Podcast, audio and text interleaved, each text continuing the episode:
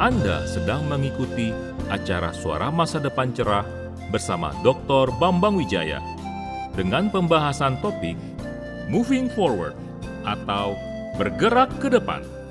Melalui acara ini, wawasan rohani Anda akan diperluas dan iman serta kasih Anda kepada Tuhan akan diperteguh.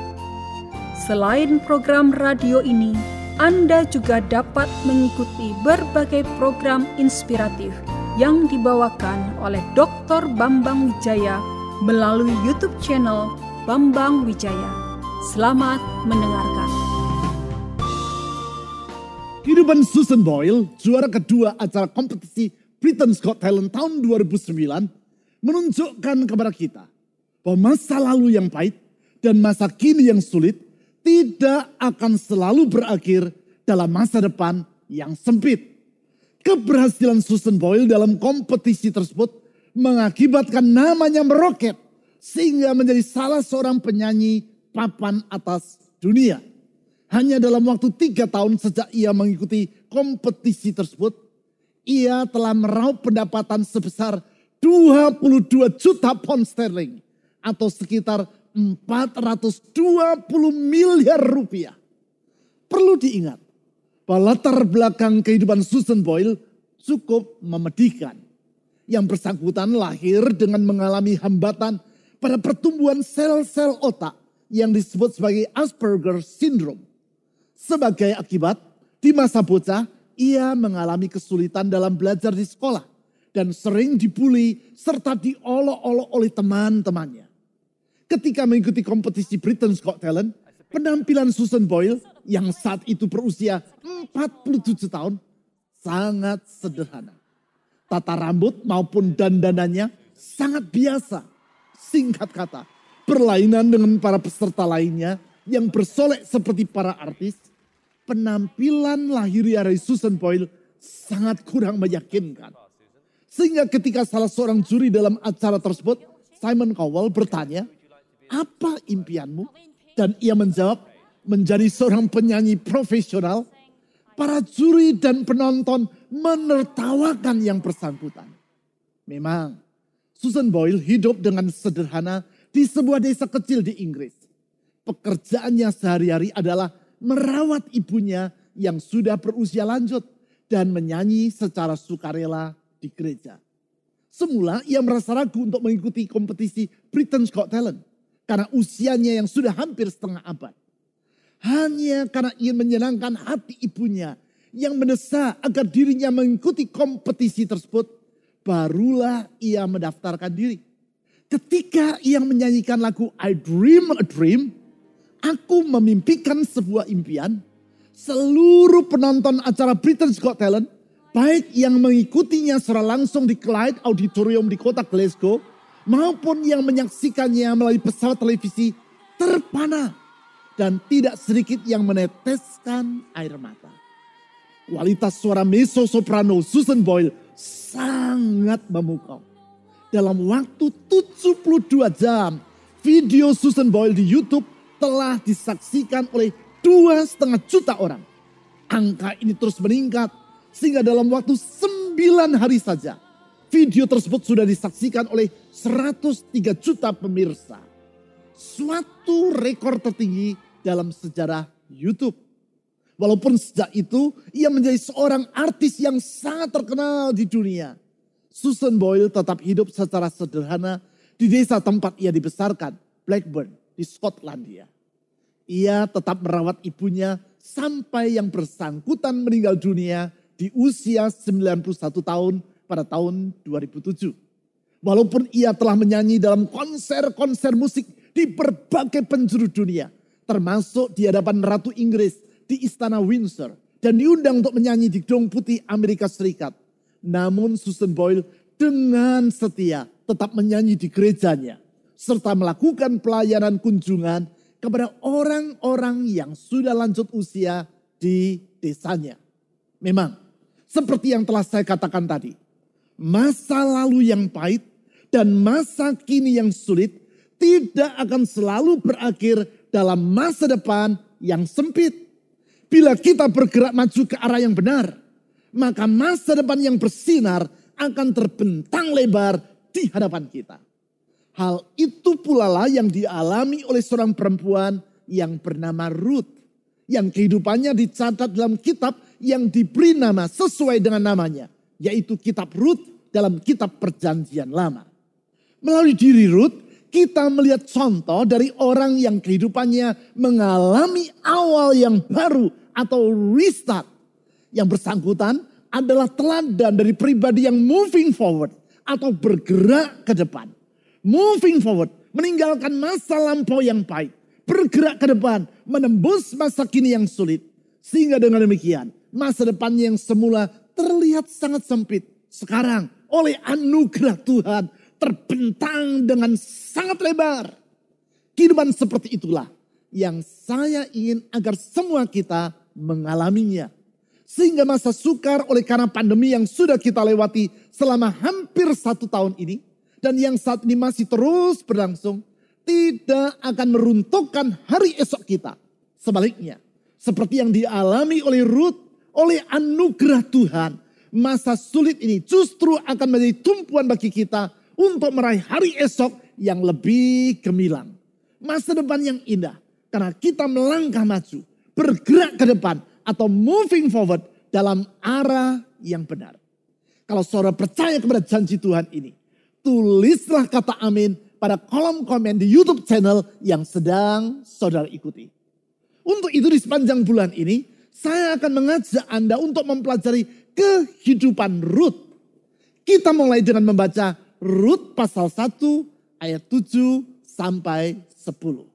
Ruth pasal 1 ayat 7 sampai 10. Maka berangkatlah ia dari tempat tinggalnya itu bersama-sama dengan kedua menantunya. Yang dimaksudkan dengan ia di sini adalah seorang perempuan yang bernama Naomi dan kedua menantunya yang bernama Orpa dan Ruth. Naomi adalah seorang perempuan bangsa Israel, sedangkan kedua menantunya Orpa dan Ruth adalah perempuan bangsa Moab. Mereka bertiga dalam keadaan sudah tidak bersuami. Karena suami Naomi yaitu Elimelech meninggal dunia tak lama sesudah ia dan keluarganya melakukan hijrah dari Bethlehem di Yudea ke tanah Moab. Tindakan tersebut ia ambil karena saat itu sedang terjadi paceklik yang menimpa wilayah Israel. Selang sekian waktu kemudian, kedua anak laki-laki Naomi menikah dengan perempuan-perempuan Moab. Dan tak lama sesudah itu, kedua mereka juga meninggal dunia. Sehingga sekarang tinggallah mereka bertiga. Naomi dan kedua orang menantunya. Orpa dan Ruth. Suatu ketika Naomi mendengar berita bahwa bahaya kelaparan di Israel telah berlalu. Oleh sebab itu ia mengambil keputusan untuk meninggalkan tanah Moab dan kembali ke kampung halamannya. Yaitu Bethlehem di Yudea. Kedua menantunya, Orpa dan Ruth, berjalan mengiring Naomi. Sekarang kita teruskan pembacaan Alkitab tadi. Ketika mereka sedang di jalan untuk pulang ke tanah Yehuda, berkatalah Naomi kepada kedua menantunya itu, "Pergilah, pulanglah masing-masing ke rumah ibunya. Tuhan kiranya menunjukkan kasihnya kepadamu, seperti yang kamu tunjukkan kepada orang-orang yang telah mati itu dan kepadaku. Kiranya atas karunia Tuhan, kamu mendapat tempat perlindungan masing-masing di rumah suaminya. Lalu diciumnyalah mereka. Tetapi mereka menangis dengan suara keras. Dan berkata kepadanya, Tidak, kami ikut dengan engkau pulang kepada bangsamu. Kalau kita membaca ayat-ayat selanjutnya yaitu ayat 11 sampai 13, kita melihat Naomi memberi nasihat kepada kedua menantunya itu agar mereka kembali ke rumah orang tua mereka masing-masing. Dengan maksud agar mereka dapat menikah kembali. Sebab bila mereka mengikut Naomi ke negeri Israel, yaitu di Bethlehem, di wilayah Yudea atau Yehuda, kehidupan mereka akan sangat sulit. Karena bukan saja Naomi tidak dapat menjamin bahwa mereka akan dapat menikah lagi, juga karena Naomi sendiri dalam keadaan yang sengsara keadaan yang ia istilahkan sebagai tangan Tuhan teracung terhadap aku. Artinya kedua menantu Naomi, Orpa dan Ruth menghadapi dua pilihan. Pilihan yang pertama, moving forward, bergerak maju, yaitu meninggalkan kampung halaman mereka di Moab dan mengikut Naomi ke Bethlehem. Pilihan yang kedua, stepping backward, melangkah mundur, yaitu kembali ke rumah orang tua mereka di Moab. Pilihan yang harus mereka putuskan dengan risikonya masing-masing. Kalau mereka stepping backward, yaitu melangkah mundur dengan balik ke Moab, hidup mereka akan nyaman. Karena mereka akan tinggal bersama dengan orang tua mereka kembali. Menikah lagi dan membangun rumah tangga yang baru. Sedangkan kalau mereka moving forward, yaitu bergerak maju dengan tetap mengikut Naomi ke Bethlehem, berbagai kesukaran sedang menanti mereka di sana. Coba pikir sejenak. Kalau saudara menjadi Orpa dan Ruth, pilihan mana yang akan Anda ambil? Moving forward atau stepping backward? Bergerak maju yang artinya akan menghadapi risiko yang tidak mudah atau melangkah mundur yang artinya hidup dalam kenyamanan dan kemapanan. Kedua menantu Naomi tersebut mengambil pilihan yang berbeda keputusan yang mengakibatkan akhir kehidupan mereka juga tidak sama. Mari kita lihat pilihan yang mereka buat. Yaitu sebagaimana yang dicatat di dalam ayat 14 sampai 17. Rut pasal 1 ayat 14 sampai 17. Menangis pula mereka dengan suara keras. Lalu Orpa mencium mertuanya itu minta diri. Tetapi Rut tetap berpaut padanya berpaut pada Naomi. Berkatalah Naomi kepada Ruth, telah pulang iparmu kepada bangsanya dan kepada para allahnya. Pulanglah mengikuti iparmu itu. Tetapi kata Ruth, janganlah aku meninggalkan engkau dan pulang dengan tidak mengikuti engkau. Sebab ke mana engkau pergi, ke situ jugalah aku pergi. Dan di mana engkau bermalam, di situ jugalah aku bermalam. Bangsamulah bangsaku dan alamulah Allahku. Di mana engkau mati, aku pun mati di sana. Dan di sanalah aku dikuburkan. Beginilah kiranya Tuhan menghukum aku. Bahkan lebih daripada itu. Jikalau sesuatu apa pun memisahkan aku dari engkau. Selain daripada maut mengharukan sekali. Di ayat 14 dicatat bahwa Orpa memutuskan untuk mengambil langkah mundur, stepping backward. Ia memilih untuk hidup dalam kemapanan. Ia kembali kepada kehidupan masa lampaunya. Yaitu kembali hidup di rumah orang tuanya. Sedangkan Ruth memutuskan untuk bergerak maju. Moving forward. Ia memilih untuk berjalan terus mengiring Naomi ke Bethlehem. Ia memilih untuk hidup bagi masa depan. Atau living for the future. Bukan living in the past. Hidup di masa lalu seperti yang dipilih oleh Orpa.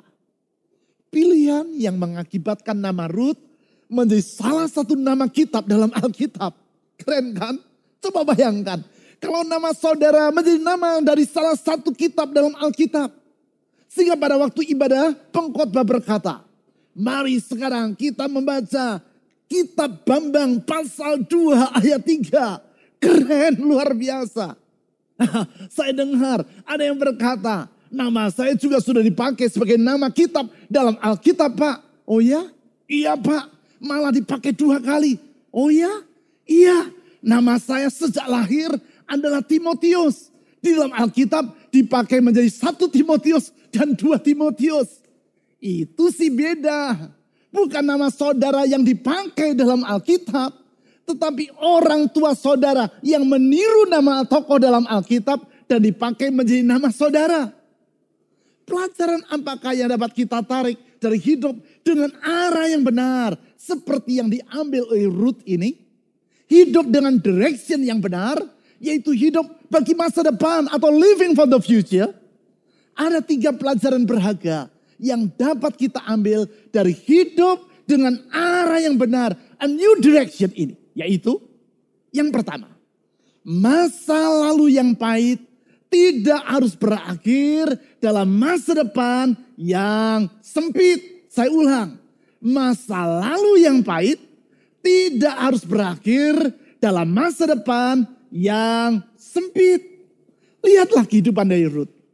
Masa lalu yang ia lalui sangatlah pahit.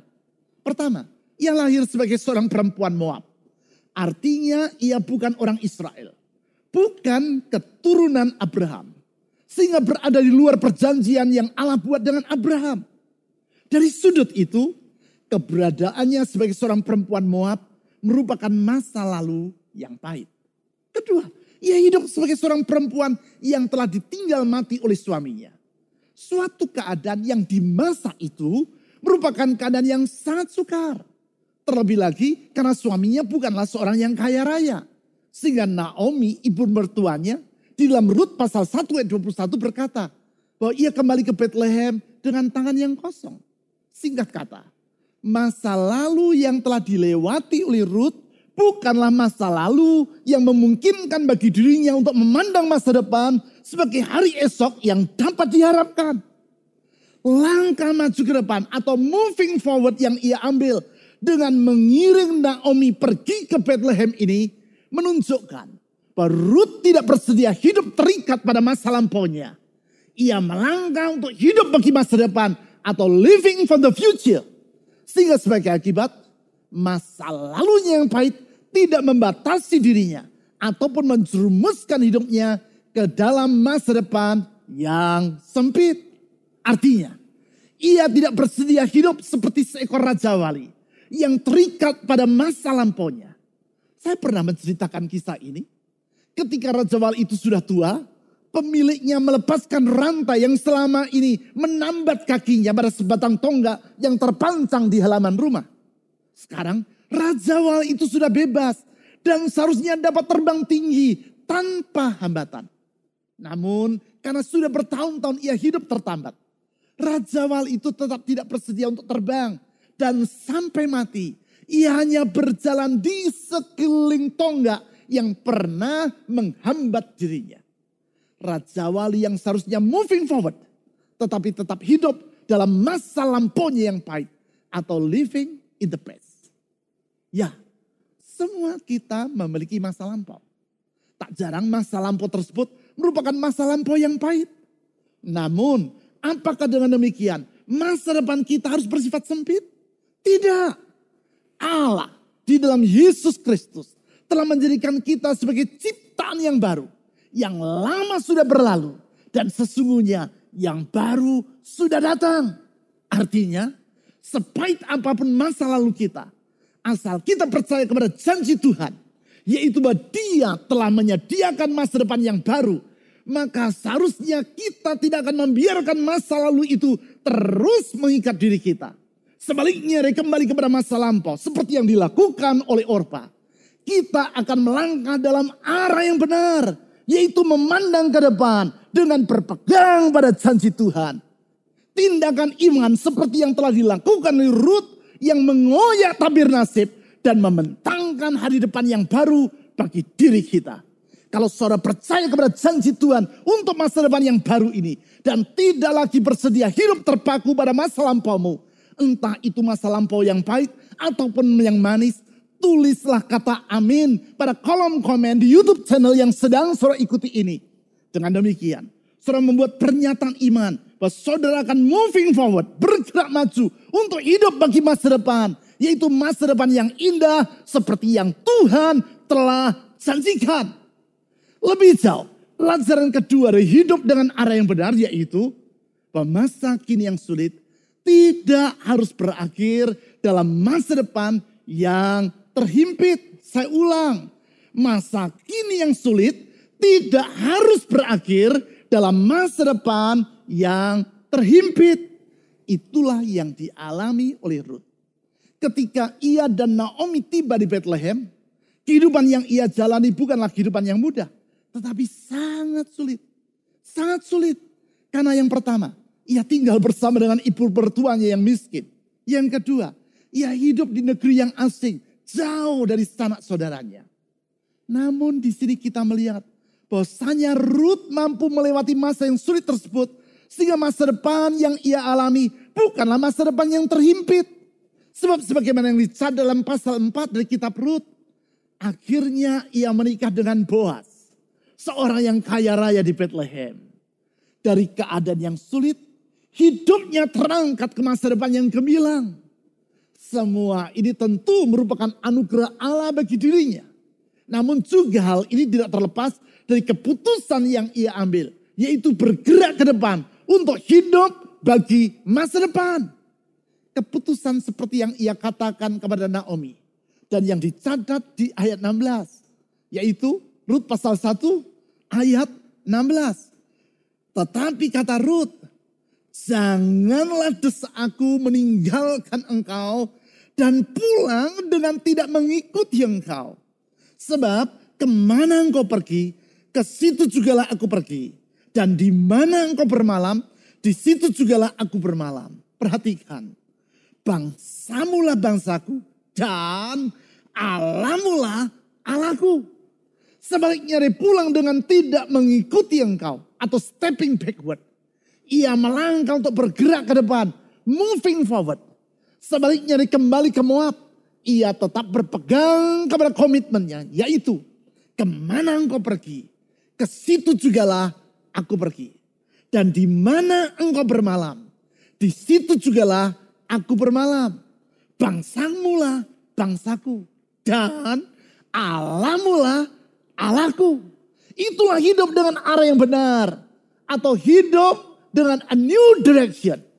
Langkah yang mengakibatkan Ruth mampu melewati masa yang sukar tanpa menjadi terpuruk. Malah bangkit dan memasuki babak kehidupan yang baru. Atau hidup yang restart. Hidup dalam awal yang baru. Alkitab mencatat dan sejarah membuktikan bahwa acap kali masa sukar akan melahirkan orang-orang yang memiliki peranan yang sangat besar bagi kemanusiaan. Pribadi seperti Florence Nightingale, perintis ilmu keperawatan modern yang jasanya disebut-sebut orang di dalam masa pandemi seperti sekarang. Henry Duden, Bapak Palang Merah Sedunia, dan pemenang hadiah Nobel untuk perdamaian yang pertama. Atau Martin Luther King, pejuang hak-hak sipil di Amerika Serikat yang ulang tahunnya diperingati dengan menjadikannya sebagai hari libur nasional di Amerika Serikat. Mereka dan masih banyak tokoh-tokoh lainnya dilahirkan dan dibentuk di dalam masa yang sukar. Seakan-akan bila tidak melalui masa yang sulit, mereka tidak akan pernah muncul di panggung sejarah serta membawa dampak yang positif terhadap kemanusiaan. Kebenaran ini mengajar kita untuk tidak berputus asa ketika kita sedang melewati masa yang sulit seperti pada hari-hari ini. Yang perlu kita lakukan adalah tidak menyerah kepada keadaan, namun terus berjuang dalam iman, moving forward. Tidak membiarkan iman kita digoyahkan oleh badai kesukaran. Tetapi seperti yang dilakukan oleh Ruth, kita melangkah untuk hidup bagi masa depan, living for the future. Karena kita yakin, sesungguhnya masa depan kita berada dalam tangan Tuhan keyakinan yang membuat kita bukan menyerah kepada kesukaran, tetapi berserah kepada Tuhan melalui doa. Penyerahan diri kepada Tuhan yang tidak akan pernah mengecewakan kita.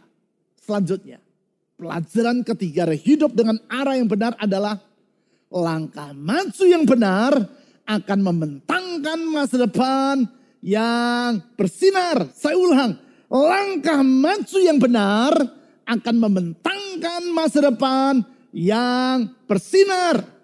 Itulah langkah yang diambil oleh Ruth, yaitu dengan hidup mengiring Naomi ke Bethlehem.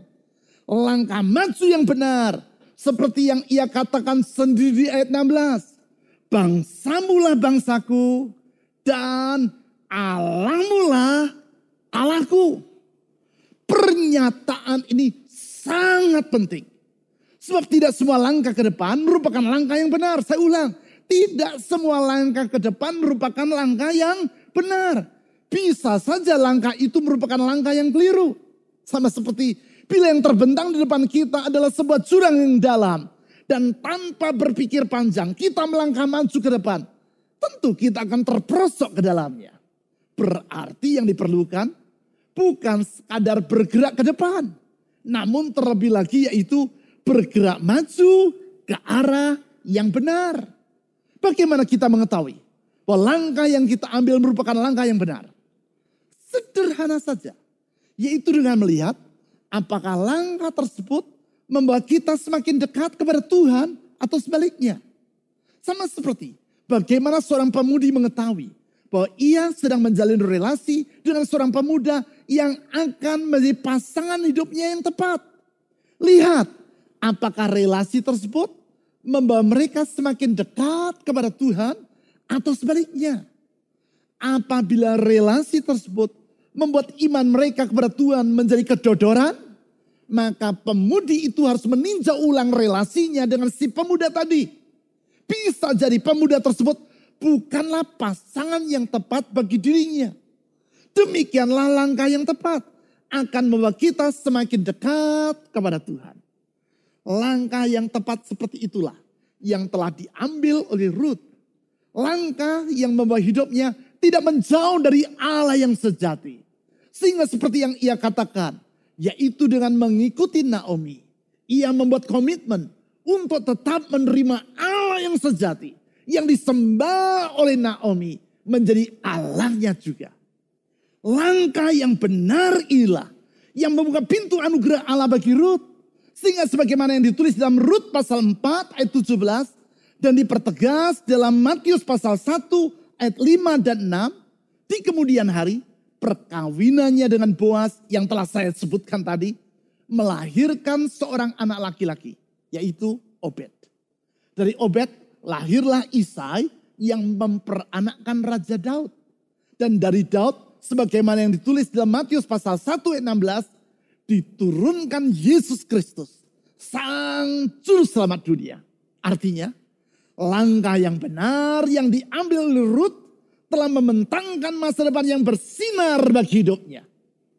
Minggu yang lalu, tepatnya pada tanggal 29 Januari, gereja kita di kota Bandung genap berusia 32 tahun.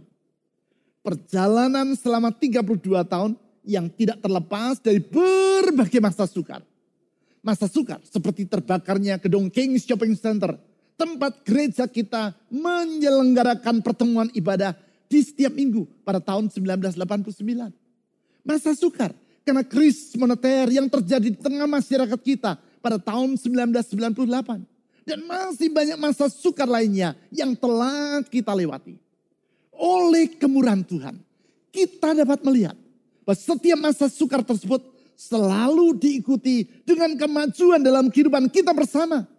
Semua itu menunjukkan bahwa masa lalu yang pahit dan masa kini yang sulit tidak akan selalu berakhir dalam masa depan yang sempit kata-kata kunci dalam semua ini yaitu anugerah Allah serta melangkah maju dengan arah yang benar. Bergerak maju dalam iman dan dengan sikap bergantung kepada Tuhan. Langkah moving forward yaitu bergerak ke depan seperti yang telah dicontohkan oleh Ruth. Apabila langkah mundur ke belakang yang dilakukan oleh Orpa mengakibatkan hidupnya terkumpur dalam debu sejarah. Sehingga untuk selanjutnya namanya tidak pernah disebut lagi dalam Alkitab. Tidak demikian halnya dengan Ruth. Langkah iman dengan arah yang benar telah membentangkan hari depan yang baru bagi dirinya. Sesungguhnya Allah menyediakan anugerah yang sama bagi kita semua. Masa sukar yang sedang kita hadapi pada hari-hari ini tidaklah harus menenggelamkan kehidupan kita. Yang perlu kita lakukan adalah membuka diri kepada tuntunan Tuhan. Melangkah dalam iman kepadanya. Dan hidup bergantung kepada anugerahnya. Anugerah yang telah ia buktikan melalui pengorbanannya di kayu salib. Pengorbanan yang menghapus masa lalu yang pahit. Dan menjamin masa depan yang indah dan yang tidak mengecewakan. Kita percaya kasih, kuasa, hikmat, dan kesetiaan Tuhan Yesus tidak pernah berubah untuk selama-lamanya. Di dalam dia, yaitu dalam Yesus Kristus Tuhan kita. Kita akan melangkah ke depan untuk menyongsong masa depan yang baru dan indah yang telah ia sediakan. Restart!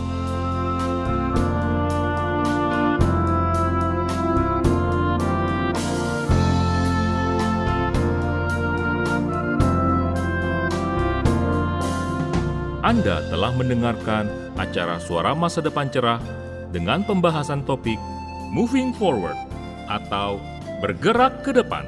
Pekan yang akan datang, Dr. Bambang Wijaya akan melanjutkan topik tersebut pada hari, jam, dan gelombang radio yang sama. Pastikan Anda mengikutinya. Selain program ini, Anda juga dapat mengikuti berbagai program inspiratif yang dibawakan oleh Dr. Bambang Wijaya melalui YouTube channel Bambang Wijaya. Program-program video di dalam kanal YouTube Bambang Wijaya tersebut akan meneguhkan iman Anda. Bila Anda ingin menghubungi Dr. Bambang Wijaya, silahkan Anda menghubunginya melalui WA ke nomor telepon 0811 309 077. Sampai berjumpa pada pekan yang akan datang. Tuhan memberkati.